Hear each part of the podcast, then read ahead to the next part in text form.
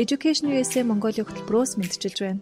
Бид энэхүү цуглал подкастаараа дамжуулан Америкийн нэгдсэн улсад дэлхийд тэргуулах боловсрол эзэмшээд их орондоо иргэн ирж мэрэгжлэр салбар салбартаа манлайлан ажиллаж буй Монгол залуусын төвхийг хөргөж байхаар зорилоо.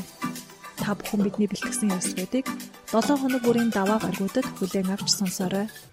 Подкастын мөн өнөөдрийн зочноор Global Ugrad хөтөлбөрийн 2019-с 20 оны оролцогч Баттүр оролцож байна. Сайн байна уу? За, манай сонсогчдод өөрийгөө танилцуулахгүй юу? За, юуны өмнө ингээ нав энэ подкастт ингээ урьж оролцуулсанд маш их баярлалаа. Тэгээд өөрийнхөө туршлагыг чадхаараа оолцсон гэж бодож байна. За, намайг Өлзөнөмийн Баттүр гэдэг. А одоо болохоор Монгол Улсын их сургуулийн сэтгэл судлалын 3 дугаар курсын оюутан. Иргэд бол чөлөө цагаараа сайн дурын ажил хийдэг.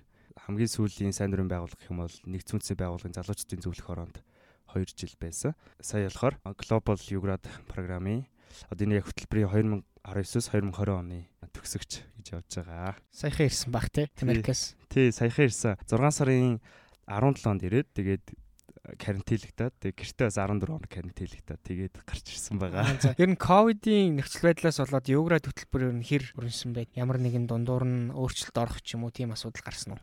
Аа, гарсан байгаа. Яадаг гэсэн бэхээр ерөнхийдөө яг энэ жил болгон глобал юградын хаалтын ажиллагаа гэж болно хаалтын ажил болохоор Вашингтон ДС-д болдог. Тэгээд тэнд болохоор ерөнхийдөө 7 хоног яг энэ уг тэлхийг авсан ор орны залуучууд цугладаг байхгүй юу? Тэр болохоор болоогүй. Яагаад болоогүй гэхээр ойлгочтой коронавирусээс болсон. Тэгээд тэр жоохон харамсалтай байлаа. Гэхдээ ерөнхийдөө бол айгүй олон туршлага хоримтлуулж авсан. Дараа очно гэж бодсон байгаа. Тэрний оронд нь тийшээ юм аялуул гэсэн тийм байгаагүй юу? Харамсалтай тийм байгаагүй. Тэгээд коронавирус тэгэл гинт гарчсан болохоор аль аль бүх орнууд л ерөөсө бүх хөтөлбөр тэтгэлгүүд амар сандарсан байх гэж бодсон. За Global Ugrad хөтөлбөрөөр Америкт очсон Баттүрийн нэг өдрийн амьдрал Америкт хэрхэн өнгөрч исэн бэ? Америкт байсан тэр дурсамжаас даавалцаж. За хамгийн сонирхолтой юм. За ямар ч тач нэг өдөр юм бол ямар ч тач өглөө болохоор босоод өглөө 7 цаг өсөө тэгээд сургуулийн цайнаа хоолоо иддэг. Өглөөнийхэн цагаа уудаг. Тэгээд өглөөнийхэн цагаа уучаад хичээлдээ яваад тэгээд өдөр тарж ирэнгүүтээ шууд Америкийн миний сурч байсан газар болохоор нөгөө тоглоомын өрөө гэж өгдөг байхгүй. Оюутны чөлөө цаг өнгөрүүлдэг өрөө. Тэгээд өдөр хичээлээ тарчаад тийшээ очиод билар тоглоолоод энэ чинь ерөөсөө оюутнууд найзуудтайгаа ирэл чөлөө цаг өнгөрүүлдэг. Тэр аягүй таалагдсан. Тэгчээд жоохон толгоогоо амраачаад шууд компьютер өрүүлгөө очиж хичээлээ хийж эхэлдэг байхгүй. Тэгэл ерөөсөө орой болтолсон. Яа тэгэхээр чи ингээд гадаад хэл дээр хичээл үзэж байгаа шүү дээ. Тэгэхээр би яг Америк оюутнуудыг бодвол хоёр дахин илүү яг тэрийг ачаалттай ажиллах байхгүй сурах байхгүй. Тэгэхээр тэгж сурж байгаа. Тэгээд буцаж гарч ирээд а өдрийн хоолоо ийдтэй. Тэгээ өдрийн хоолоо идэхдээ нэг гоё юм болохоор найзуудтайгаа суугаад тойр суугаад шинэ найзуудтай болдог бас. Тэгээ Америкчтай аягүй чөлөөтэй юм лээ. Тэгчээд номын санд суугаад орой бараг 7 8 хүртэл тэгээ оройн хоолоо идчихэд буцаад тоглоом өрүүлэх ортой. Тэгээ найзуудтайгаа бильар тоглоно, теннис тоглоно тий.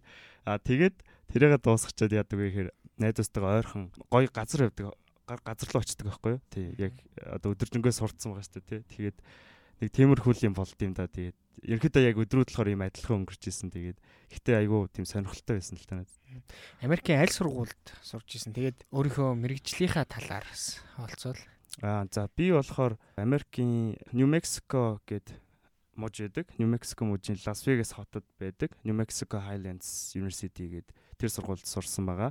Тэгээд Лас Вегас гэж ярихаар хүмүүс Невада гэж бодоод баруун эрэг. Тий, баруун эрэг гэж боддог. Тэгэхээр энэ биш. Хамгийн анх Нью Мексико мужид болохоор Лас Вегас гэдэг хот нь хамгийн анх байгуулагдчихсан юм лээ. Тэгээд дараа нь яг нөгөө баруун эргийн Лас Вегас байгуулагдчихсан юм лээ. За тэгээд энэ сургууль сурж исэн. Яг энэ одоо нөгөө Нью Мексико энэ Нью Мексико гэдэг мужийнхан Нью Мексико их сургуулийн дараагийнхан одоо хамгийн том сургууль гэж явд юм байлээ.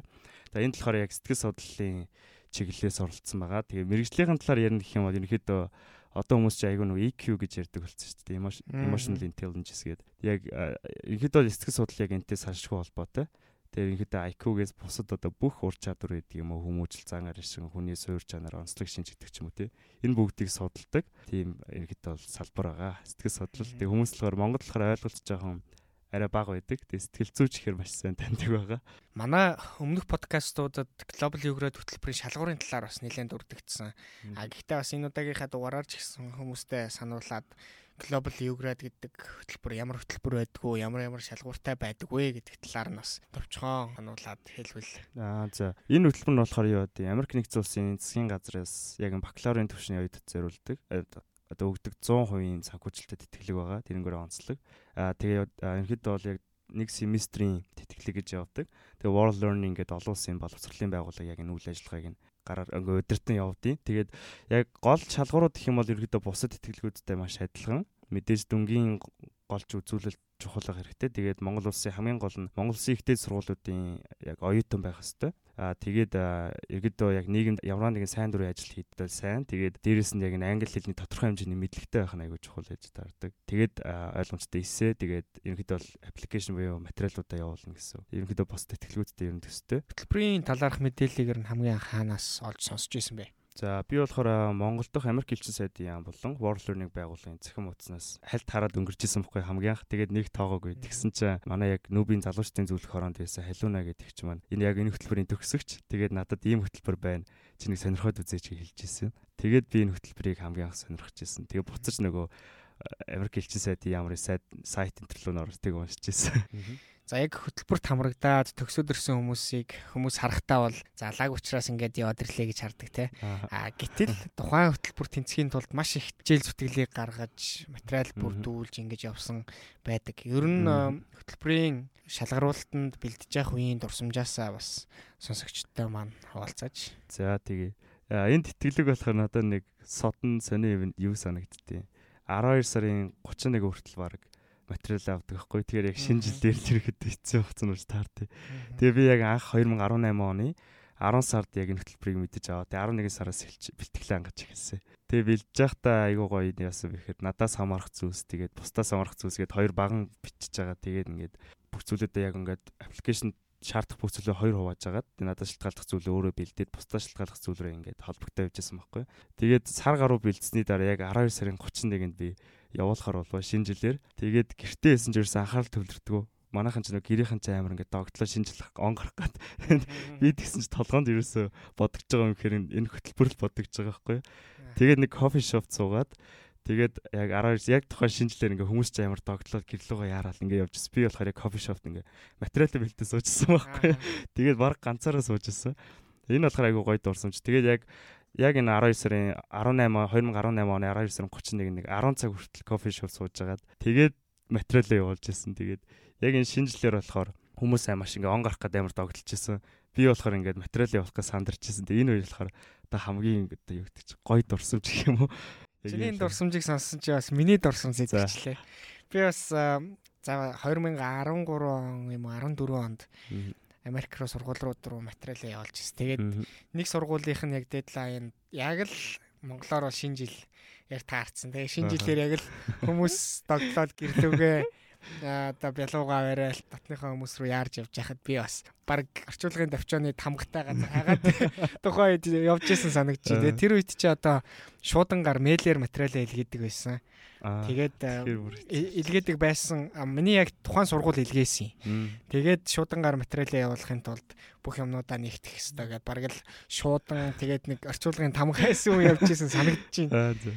Тийм. Бид нар болохоор ч гайгүй нөгөө интернетээр шууд явуулсан болохоор арай л гайгүй байсан. Сууж байгаа л за ингээл явуулчих. Тэгээд бас нөгөө яг 12 сарын 31-нд нэг халуунаа ихчээс гуйгаа та миний аппликейшнийг газ шалгаад өгчдөг гэсэн чинь халууныг ч амар сэтгэл гаргаад шалгаж өгчсэн. Тэгээ тэр бас айгуу гоё дурсамж байсан. За, йоград хөтөлбөрийн шалгаруулалтын шатуудаас аль нь хамгийн хүнд байсан бэ нь? Хүнд гэж надад болохоор хүнд санагдаагүй л дээ. Зүгээр яаж санагдсан бэ гэхээр ер нь нөгөө өмнө яг тухайн тэр шатыг одоо давж байгаагүй бол тэр хүнд жоохон юу гэдэг чинь туршлагагүй санагдах байх гэж бодсон. Тэгээд за тэгээд миний хувьд болохоор яг хамгийн нөгөө хүнд байсан үе нь болохоор би ерөөсөө нэг олон улсын англи хэлний шалгалт өгж байгаагүй байхгүй юу. Тэгээ энэ хөтөлбөр тэнцээд тэгээ TOEFL-ийн шалгалт өгчээсэн. Тэгээ энэ үед өмнө ерөөсөө шалгалт өгж байгаагүй болохоор амар сандраад бүр аимшигтэй сандарч исэн. Тэгээ бусд нь бол гайгүй материалаа явуулаад ярилцлаганд орж исэн үед болохоор өмнө нөгөө өөрөөр газруудтай тэгжсэн болохоор гайгүй байсан. Тэгэхээр TOEFL ч юм уу IELTS-ийн ямар ч оноогүй мөртлөө Юград хөтөлбөрт аплайцсан гэсэн үг шүү дээ. Тий. За энэ хөтөлбөр болохоор надаа нөгөө хамгийн гой санагдсан зүйл нь болохоор юу байсан байхгүй юу? Бусад хөтөлбөрүүд ингээд тэтгэлэг интервью орохоор IELTS-ийн оноо TOEFL-ийн оноо шаардаад идэг.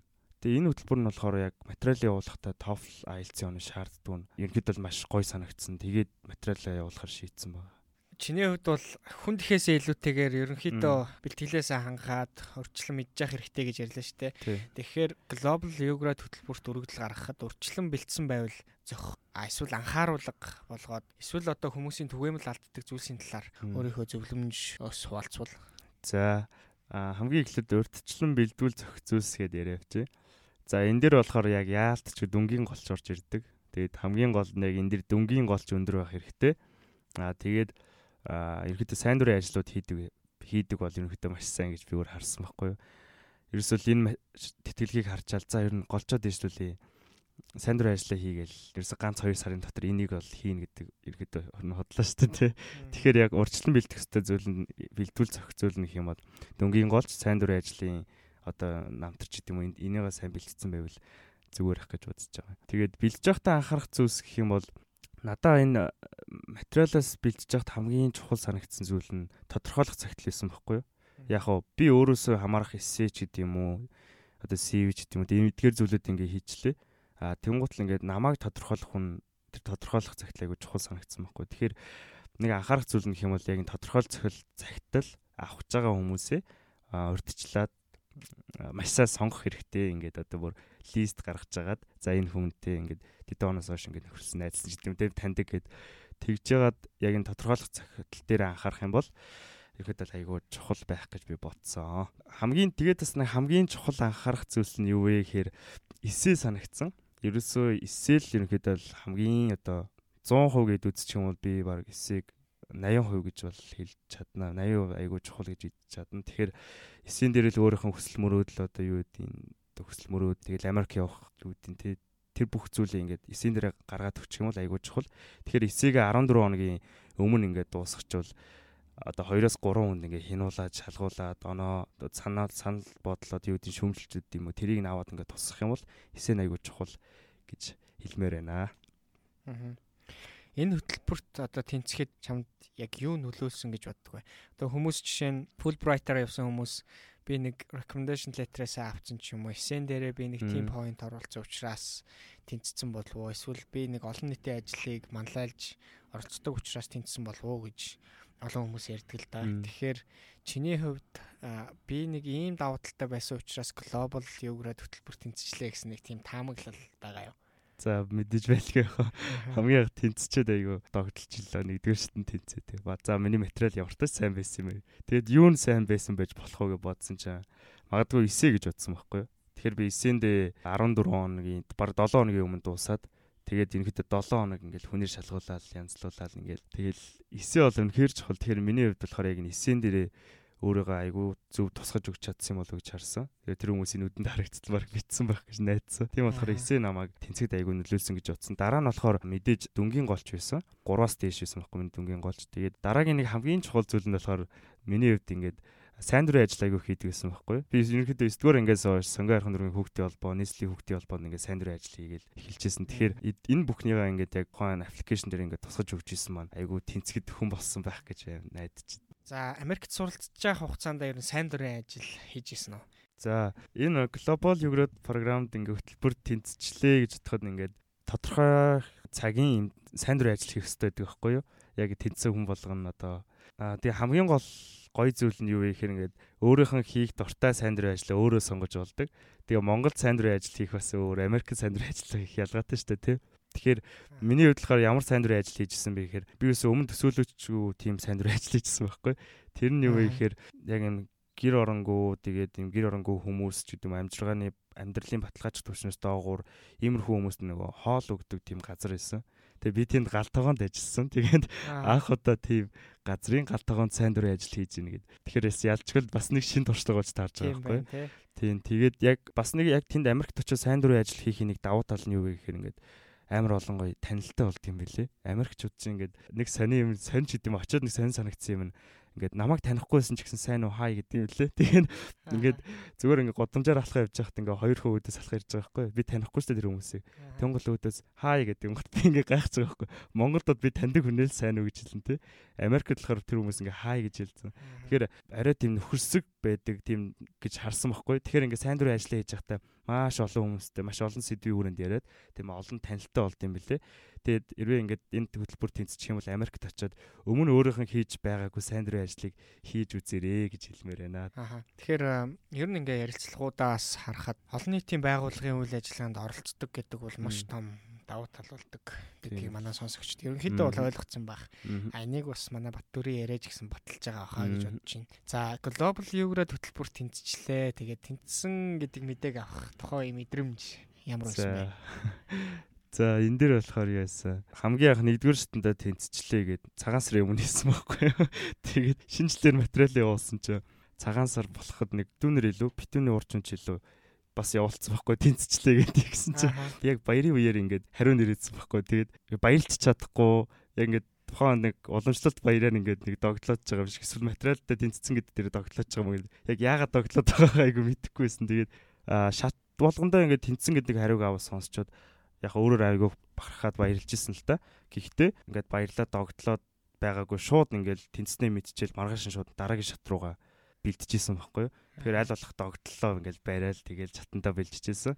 Тэгээд ерөөдөө хамгийн ингээд тэнцэх үеийн мэдрэмжхээр ингээд ерөөдөө 2019 19 оны ингээд 6 сард яг эцсийн шийдвэрийг авсан би бүр. За ингээд тэнцчлээ энэ сургууль руу энэ мужид руу явах боллоо гэл. Тэр үед ингээд бүр хөл газар жинхэнээр хөл газар хөрөхгүй яг тийм мэдрэмжийг анх удаа авчихсан. Тэгээ бараг 7 хоног энэ мэдрэмж үргэлжижсэн. Тэгээ ерөнхийдөө яг эцсийн шийдвэрийг сонсох хүртэл юм догтлоо айгу барайл дараагийн шатанд юм хянуур нь хурал бэлтжижсэн гэхэд болно доо. Аа чи тэгэхээр чин хавар хариугаа сонсоод намар яваад өвөл ирсэн гэсэн үг? Юу яаж байгаа? Надаас бусд нь яг энэ гурван хүүхэд байсан байхгүй юу? Тэр гурван хүүхэд маань болохоор намар яваад өвөл ирсэн. Би болохоор өвөл яваад тэгээ тавар ирсэн. 100 ирсэн гэсэн үг байхгүй юу? Аа. Тий. Тий. Еврадийн нэг гоё юм нь хэлний оноо ч баг байх юм бол дахиад нэмээд 6 сарын баха. Англи хэлний курст явуулдаг. Тэгэхээр чинь ингээ бүтэн жилийн хөтөлбөрт хамруулцдаг ийм гоё хөтөлбөр байдаг. Гагцгүй өөрийнхөө би бол энэ хөтөлбөрт тэнцэх ёстой хүн шүү гэдгийг л өөрийнхөө бүрдүүлсэн материалаараа баталгаажуулах ёстой байдаг. За энийг бас манай сонсогчд маань бас сайн ойлгож авах хэрэгтэй гэж бодож байна. За явхаасаа өмнө ер нь юуг бэлтгүүл зүгээр юм болоо. Монголын түүх соёлын ач холбогдолтой эд зүйлсгээл хүмүүс янз бүрийн л ямыг авч явдаг найз нөхөдтэй сүвнэрч байдаг юм уу те. А энэ тал дээр нь одоо чи Америкт сураад тэгээ ялангуяа засгийн газрын Америкийн засгийн газрын 100% тэтгэлгээр яваад хөтөлбөрийн дүүргээд а тэгээ глобал юградын нэг гоё юм чинь зөвхөн одоо нэг зэргийн бус хөтөлбөрт хамрагдах бус харин зүгээр яг үетэнгийнхээ одоо 3 дугаар курсээсээ бол 3 дугаар курсийнхантайгаа нэг курст ороод хичээлийн хамт судлаад явах юм боломжтой болдог. Яваад ирсэн хүний хувьд яг э, Америк руу явахаас өмнө юу бэлтгэвэл зүгээр гэж бодож байна вэ? За энэ энэ хөтөлбөрийн бас нэг бас нэг онцлог нь болохоор эн чинь өөрөө нэг ерөнхийдөө бол бас соёлын нэг хөтөлбөр гэж харж болохоор болно гэж боддог байхгүй би. Тэгэхээр Америкт ингээд очиж гинэ гэдэг чинь ингээд их орныхоо одоо Монгол соёлыг өөрөө соёлын биелүүлэгч бол очиж байгаа байхгүй юу.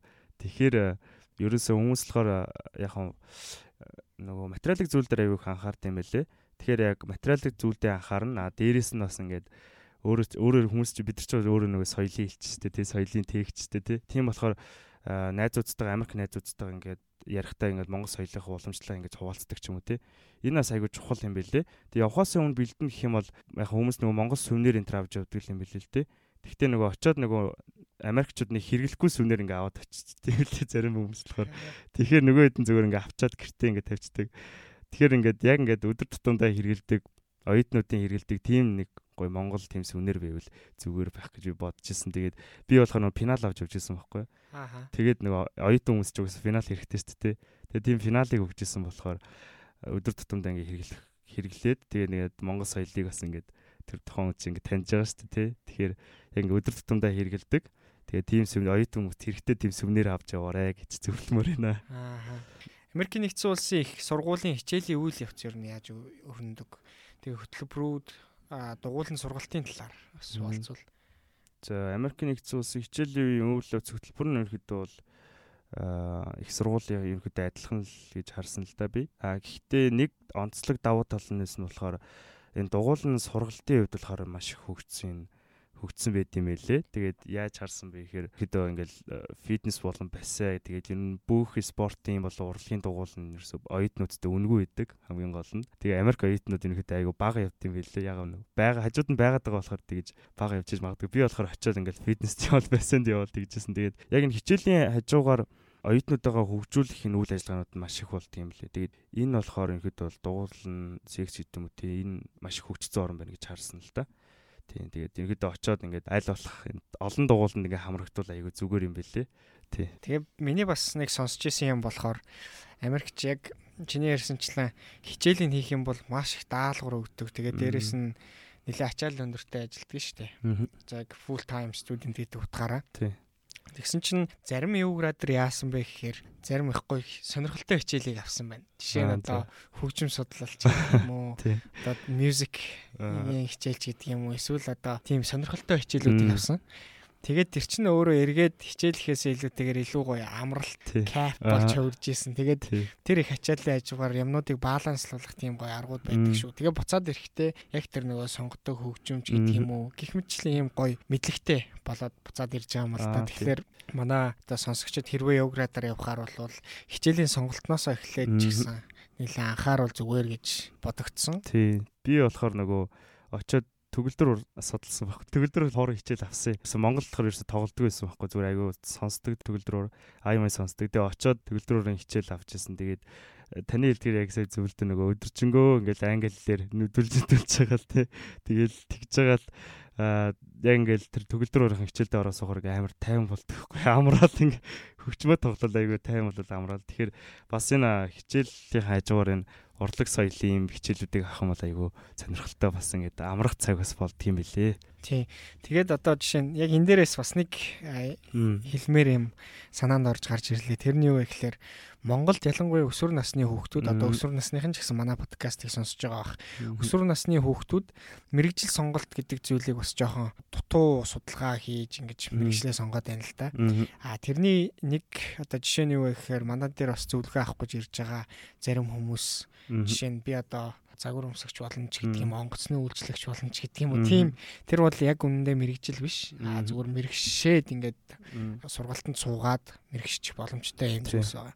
А Америкийн боловсролын тогтолцоонд нэг гоё байдаг зүйл нь юу вэ гэхээр major minor гэдэг хоёр зүйл байдаг тийм. Яг одоо инженер мөртлөө.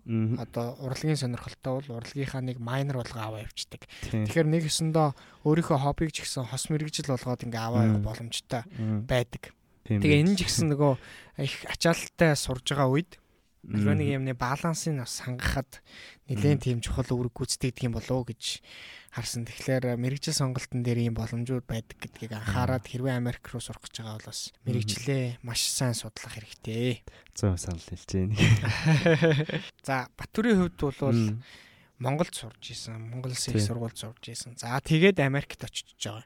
Тэгэхээр хоёр улсын боловсролын систем, тэгэл залуучуудын хандлага ч гэдэг юм уу бүх зүйлийг харьцуулан дүгнэх ийм боломжтой болчихж байгаа юм л да. Түүнээс биш зөвхөн Америкт 4 жил сурсан бол сураад Монголд сураагүй байх юм бол харьцуулна гэхэд бас учир дутагдaltaй шүү дээ. Тэгэхэд тийм учраас одоо Америк улсын боловсролын систем Монгол улсын боловсролын системтэй харьцуулахад давуу болон сул талууд байсан уу гэж би чамаас асуух гэдэг. За.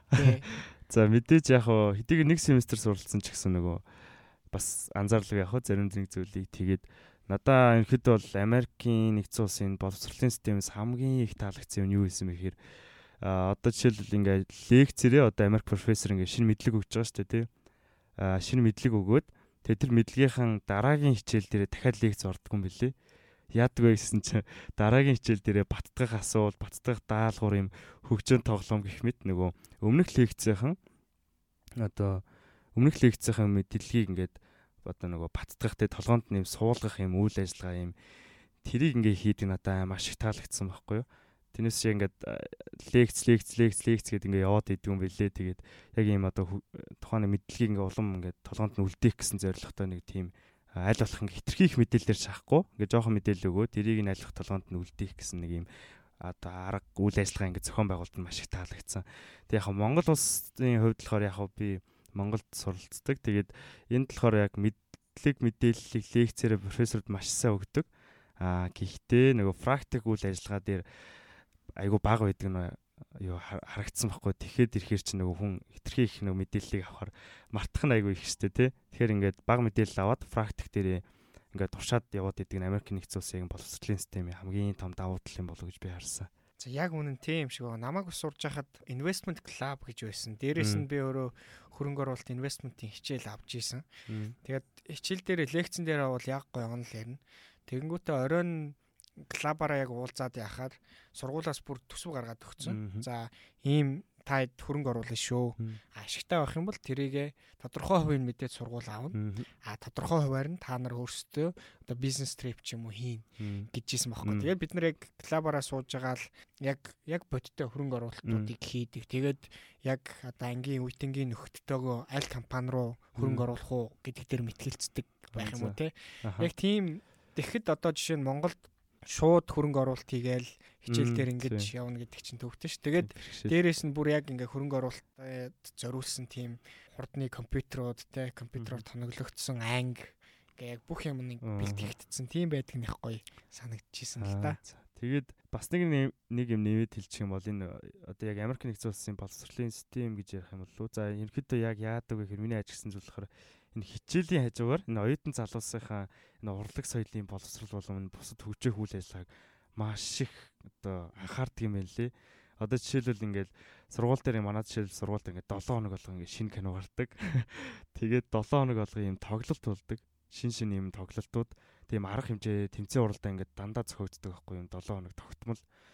Тэгэхээр а тэгээд хамгийн гол нь оюутнуудтай үнгүү Тэгэхээр энэ нөгөө яг бас боловсролын нэг системийнх нэг давуу тал юм болов уу гэж харс. Даан ганцхан юм хичээлэр бөмбөгдөд байхгүй хажуу талаар ингээд урлаг соёлын боловсролыг хөгжүүлэх ийм гоё чөлөөт үйл ажиллагаа зохион байгуулдаг маш бүр маш их таалагдсан.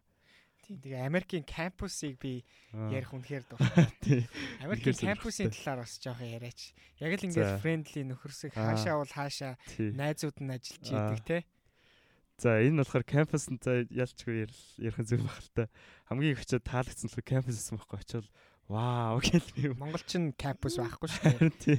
Тий. Одоо жишээлбэл миний тэр сурж исэн New Mexico Highlands гэдэг их сургууль болохоор аа ихэд хотоос маш зайдуу. Тэгээд ирэхээр нөгөө анхаарал сарних инээ тэрэ төгжрөл одоо юу гэдэг тий. Тэдрээс маш хол болохоор ингээд кампустаа ингээд бүр айгүй амар амгалан байгаа байхгүй.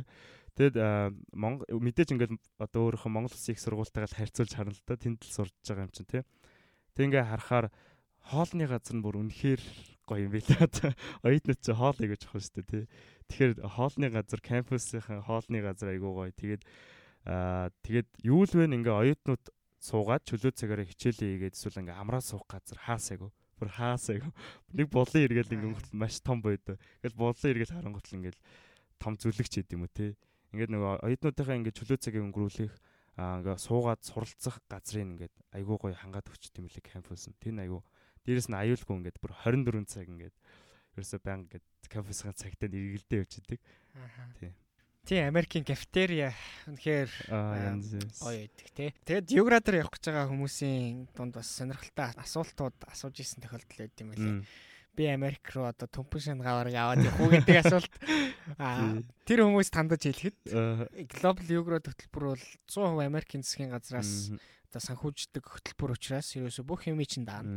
Энэ дээрээ сонгоцсон цуухаас эхлээд тэгээ утасны төлбөр за тэгээ дээрэс нь одоо стипенд те ном тэгээ сургалтын төлбөр аяллаа зардал гэх мэтлэн бүхий л зүйлсийг даачдаг. Тэгээ дээрэс нь нэг карт өгдөг. Картын одоо кафетерия хоолны газрынхаа үүдэнд swipe хийгээл тэгээ уншуулаад ерөөсөө ороод тэр дотор баг э, Монголд бол одоо том супермаркет руу яваа орж байгаа юм шиг л тийм болдог. Тэгээд ерөнхийдөө Global Yogurt гэдэг хөтөлбөр бол ялангуяа Америкийн засгийн газрын тэтгэлэгтэр нь Fulbright ч ба Hubert Humphrey ч ба Flex ч ба бүх зүйлийн цаанаас нь даадаг нь бас их гоё байдаг. За За ингээд даалгуулаад Америк руу явлаа. Америк руу явж байгаа монгол хүн гэдэг утгаараа ер нь бол соёлын асар том өв тээгч болж идэг. За энэ утгаараа Монголын соёлыг түгээн дэлгэрүүлэх зорилгоор ямар нэгэн ажил Америкт хийсэн үү? Хэрвээ хийж исэн бол бидэнтэй бас хуваалцаач. Би сонсчихсан нөө сургууль болон соёлын үйл ажиллагаа гэж зохион байгуулт юм лээ. Гэхдээ ерөнхийдөө сургуулиас хамаардаг. А манай их сургуулахаар яасан бэ гэх соёлын өдрлөг зохион байгуулж ирсэн байхгүй юу? Тэгээ тэнд яг түүх соёлоо яаж хуваалцсан бэ гэхээр би нөгөө загвар өмссөн. Яг нэг сүртэй сонсогч байгаа ч гэсэн яадаг вэ гэхээр ингээд Монгол цамцаа өмсөөд тэгээ Монгол хувцас өмсөөд ингээд олон улсын оюутнууд ингээд өөр сүстэйхэн соёлын хувцсыг өмсөөд тэг ингээд алхаа идэх байхгүй юу? Ямар хэлээ? Аа. ямар cat walking гэлээ. За ямар ч тийм алхаа гэдэг тэрэгдөө яг загвар өмсгөл гэж ярьд юм лээ. Тэгээд яг хуу энэ соёлыгоо бас ингээд бит өв ингээд төлөөлж байгаа гэж харсан байхгүй юу. Тэгээд хэрвээ ингээд глобал юураад програмд ингээд тэнцчих юм бол яг юм Монгол цамц Монгол хувцс ч юм уу те энийг ингээ аваад явуулчихвал ингээ айгүй сонирхолтой юм лээ би ингээ тэр хувцас өмсөө гараад ирсэн чинь манай Америк найзууд ингээ гайхаад ингээ талдаас татаж үзсэн байхгүй энэ нь яа энэ юу вэ энэ юу вэ гэлсэн. Тэгэхээр юм хувцаа ингээ аваад явчих юм бол энэ бас нэг Монгол оо Монголын соёлын бас нэг бит үүстэд ялч үү тийм тэгэхээр тэр нь зүгээр юм билээ. А дээрэс нь яасан бэ гэхээр ингээд яг энэ глобал юград програмд хамрагдсан энэ бүх улс орны оюутнууд ингээд өөрсдийнх бас соёлыг төлөөлдөг хгүй тодорхой хэмжээгээр. Тэгэхээр би болохоор яаж төлөөсөн бэ гэх ингээд Монгол бүж үжилсэн. Тэгээд бичлэг хийгээд уул нь нөгөө яг 7 хоног яг ингээд энэ тэтгэлгийн хаалтын үйл ажиллагаан дээр ингээд бүжиглээл, бүжиглэн бүжиглээл, дуулхан дуулаад ингээд соёлоо төлөөлдөг хгүй. А тэгсэн чинь би одоо азгүй ч юм нөө корона гараад тэр нөгөө хаалтын үйл ажиллагаанд болохоо болоод тэгээ бид нар бүх юм захимаар явсан байхгүй. Тэгээд нөгөө тайз мэдсэн дээр бүжиглэх дуулах юм чи бүгдээрээ захимаар болсон. Тэгээ би яг нөгөө кампусынхаа өөрийнхөө өрөөндөө дуу тавиал бичлэг уцаа тавиал тэгээд нөгөө Монгол бүжгээ бүжиглээд бичлэгээ хийгээл тэгээд ингээ явуулчихсан. Энэ болохоор бас миний Монгол соёлоо төлөөлж исэн бас нэг юм болов гэсэн. Тэгээ айгүй өвөрмөц байгаа яалч үг захимаар ингээ төлөөлөд байгаа байхгүй одоо нөгөө дэлхийг улам хавтгай болгож байгаа зүйл чинь бас медиа салбар шүү дээ. Захим ертөнц яалтч хөвчтэй байгаа. За Америкт очисон ялангуяа манай Юградерс, Fulbrighters ер нь аялаагүй хүн баг байхгүй. Та одоо баг аялж ийсэн үү гэж асуух чинь баг утгагүй болчиход байна. А гэхдээ ковидын үед ер нь аялах боломж гарсан уу? Аа за. Би ч айгүй нөгөө яг энэ Global Юград програмын 2019-с 2020 оны энэ дөрвөн төгсөгч байгаа байхгүй юу. Тэндээс гурав нь болохоор намар явцсан нөгөө коронавирус байхгүй үед. Тэгээ би ганцаараа коронавирустэй явцсан чи миний вирусын туршлага болохоор айгүй өөр нөгөө гураас. Тэгээ манай гурыг ингээ уулзаад Монгол төрч уулзаад ярьж байгааг нь сонсохоор тэнд ч ингэж аяллаа. Америкийн тийшээж явлаа гэж сонсогддог. Тэгэхэд нэг талаараа хатаархад идэг. А нөгөө талаараа би нөгөө корона гараад нэгс аялж чадаагүй байхгүй муж хоорондоо. Тэгээд яасан бэ гэхээр гэхдээ ингээд зүгээр суугаад байгаагүй яад үл ингээд Америкт одоо хүссэн өөрийнхөө хүссэн газар очсон. Тэгээ яхаа хүмүүс ингээд Америк руу явна гэхээр одоо яхаа юу гэж боддог вэ? Хичлэн л нөгөө том том хотуудын төсөөлд нь шүү дээ. Нью-Йорк одоо юу гэдэг чинь Калифорни гэл. Тим хотуудын төсөөлнө үү гэж тийшээ л аялье гэж боддог болохоос шиг ингээд Америкт бас яг юм түүхэн дурсгалд газар ч гэдэм үү те энэ одоо мууж олгоныхын онцлог шингэсэн юм байгалийн үзэсгэлэнт газар руу ингээд явах нь арай бага гэдэм болов гэж харсан байхгүй. Тэгээд би яг энэ Нью Мексико мужийн ингээд нар жаргахаар ингээд өнгөө сольдог уул руу ингээд аялсан байхгүй юу. Тий. Тэгээд тэр айгүй сонирхолтой бол яадаг вэ гэхээр яг нар жаргангуут ингээд уул нь юм ягаан өнгөтэй болдог ч юм уу ингээд айгүй олон өнгөтэй болдог. Тэгээд яг хэдийгээр корона корона гарсан байсан ч гэсэн яг энэ тухайн одоо хотынхан ойролцоо байдаг түүхэн дурсгал бүх газруудыг дуусгасан байхгүй. Тэгэхээр ингээд хэрвээ аялж чадахгүй одоо ч мөнгөө чадхлыг ч гэдэм үү те. Ийм байх юм бол ингээд заавал энэ том хотууд руу аялье гэд зориод байхгүй гэж хичрээд байхгүй те. Яг тухайн ингээд байгаа газрын чинь ойролцоо байгаа тийм гой гой газрууд өөр юу бэ нэ гэдгийг бас ингээд судалж үзээгээд аялуулах зүгээр юм байлээ шүү гэж хэлмээр байна. Тийм нөгөө хажуудах эрдэнэ анзаардаг шиг л. Тий. Одоо миний нэг түүх байна л да. Ийш тийшээ нэлээ явсан мөртлөөсөө манай сургуультай Niagara Fall нэлээ ойрхон байсан. Тэгээ би нэг тоогоогүй. За нэг өдөр л очиндоо гэж явсаар байгаад тэгээд буцах болцсон. Тэгээд яг тэрнтэй адилхан ер нь өөрийнхөө одоо ойр орчимд байдаг үнд зүйлсээс анзаарч хэрвээ Америкт байгаа бол ойрхон газрууд руу бас аялуулах зүгээр юм байлээ шүү. Хизээ нэг за одоо аял гээд цаг хугацаа хүлээхгүй учраас хэрвээ боломжтой боломж гар цаг хугацаа гарах юм бол гой газар руу аялж шинэ одоо зүйлийг үзэж харж сэтгэж бодох боломжийг өөртөө бий болгох хэрэгтэй шүү гэж. За хөтөлбөрт хамрагдсны дараа ер нь ямар боломжууд нэгдсэн бэ? Миний хувьд болохоор хүн болгонд өөр өгдөг л да яалтч. Тэгээ миний хувьд болохоор яасан бэхэр би ерөөсөө энэ гадагшаага ийм урт хугацаагаар авах удаа очиж үзсэн байхгүй юу. Тэгэхээр надад ямар боломжууд гарч ирсэн бэ гэхээр би ер нь ингээ өөрийгөө аягүй таних, өөрийгөө ингээ сонсох, ганцаараа амьдрал сурч сурах, бие даад сурах гэдэг эдгээр зүйлүүдийг ингээ сурсан. Тэгээ энэ ингээд надад яг өгсөн аягүй том том боломжууд юм болов гэж харсан байхгүй. Аа тэгээд хувь хүнийхээ хувьд бол ийм аа тэгээд дараа дараагийн тэтгэлэгч гэдэг юм материалын явуулахад арай илүү туршлагатай болсон тий. Бас энэ глобал юград хөтөлбөр ч айгүй бас нэр хүндтэй хөтөлбөр шүү дээ тий. Энэ хөтөлбөрийн төгсөж гэсэн утгаар ингээд дараа дараагийн хөтөлбөрүүдэд тэтгэлгүүд тэнцэхэд бас юм том юм нөлөө болдгийм байлээ гэж би өөрөө харсан байхгүй юу. Тэгэхээр энэ бас яг глобал юграад тэтгэлгийн болохоор ингээ надад өгсөн хамгийн том боломж болов гэж харсан. А дээрэс нь яасан бэ гэхээр тухайн Америкт суралцж явах явцдаа би магистра Америкт хийх үү эсвэл өөр оронд хийх үү гэдгээ маш сайн судалж исэн байхгүй юу. Тэгсэн чи яг миний тэр сурч исэн газар болохоор чи хэрвээ ихэдээ ингээ буцаад эргээд түрүүлэх юм бол магистрийн тэтгэлэг 100% чамд өгөх боломжтой шүү гэж хэлж исэн байхгүй юу. Тэгэхээр энэ бас яг энэ тэтгэлгээр тэнцсний дараа ингээ надад болцсон хамгийн том боломж юм болоо гэж харсан. Одоо тэгээд төгсөнгүүтээ мастраараа тухайн сургууль руу 100% тэтгэлэгтэй сурах боломжтой гэсэн үг. Тий, боломжтой болсон гэсэн үг. Тэгээ маш том боломж гэсэн үг. За, маш том боломж байна. За, гарын үсгийн зурагдаагүй байж магадгүй аа гэхдээ баяр хүргэе. За, баярлалаа. За, тэгээд өнөөдрийн подкаст маань өндөрлөх нэлээд өгч чинь. Тэрнээс өмнө дахиад нэг асуултыг асууя. Тэгээд Америкийн нэгдсэн улсад глобал юград хөтөлбөрт одоо маш олон залуучууд, оюутнууд суралцахаар бэлтэж байгаа байх чиний ярианаас ч ихсэн маш олон зүйлүүдийг ойлгож одоо бас өөрсдийнхөө бэлтгэлд бас бодож бэлтгэлээ хангах байхаа гэж бодож байна. За тэгвэл тэр залуучуудад хандаад ерөнхийд нь зөвлөөд нэг сайхан урмын үг хэлвэл юу гэж хэлэх вэ? За би болохоор ер нь энэ тэтгэлэг рүү материалын явуулахдаа өөртөө амар итгэлгүй байсан байхгүй юу? Тэгэл ер нь л иймэрхүү тэтгэлэг рүү материалаа нэг явуулдаг байсан. Яагаад явуулдаг байсан бэхээр би өөрөө өнөхөдөө дутуу үнэлсэн байгаа байхгүй юу? Тэгэхээр би яг ингээд одоо хэрвээ яг ингээ над шиг одоо өөртөө жоох ихтгэлгүй ч тийм үү те яг би материалын уулчил тэнцэхгүй байх гэж бодож байгаа хүүхдээ бол оюутнуудыг бол бити тэгж одоорой гэж хэлмээр нь би яг тэгж бодож байгаад тэгээд ингээд зориглоод салонэгч бас нааг нэлээд дэмцсэн а тэгж жагаад ингээд явуулж үтсэн.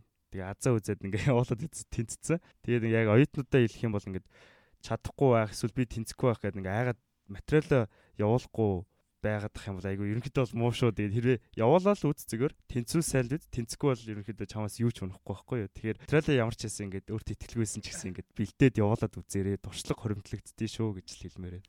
Аха. Тэгээд нөгөө үйлдэл болгон өөрийн гэсэн үр дагавартай байдаг те. Хэрвээ та энэ подкастыг сонсоод зүгээр сууж байгаа бол одоо бос босцсон байгаа бол алхаж байгаа бол гүү те. Тэгээд ямар ч байсан өөрийнхөө одоо маргааш болох үр дагаврыг сайнаар бий болгохын тулд өнөөдөр та ямар нэгэн үйлдэл хийх хэрэгтэй гэдгийг маш ойлгох хэрэгтэй. Тэгээ өөрийгөө дутуу үнэлж би чадахгүй гэж хойшоо суулгүйгээр альва нэгэн зүйлд ямар ч байсан оролдоод хичээгээд үзээрэй. Эхлэл гэдэг бол ямарваа нэгэн юмыг эхлүүлнэ гэдэг бол ажлынхаа 50% гэж ярьдаг. Тэгэхээр та хэд маань хэрвээ одоо энэ подкастыг сонсоод би аплайдах боломжтой юм байна гэж бодож байгаа бол аплайд тралгээ гэж хэлмээр байна. Тэгээд манай подкастын зочноор оролцож урилгыг маань хүлээж авсан Батүрдэ баярлалаа. Тэгээд цаашдынх нь сурлага, ажил хөдөлмөрт нь өндрөөс өндөр амжилт хүсье. За маш их баярлалаа. Америкийн нэгдсэн улсын засгийн газраас санхүүжүүлдэг Education USA Mongolia хөтөлбөрийн хэрэгжүүлэгчээр Монгол дахь Америк төгсөгчдийн холбоо ажиллаж байна.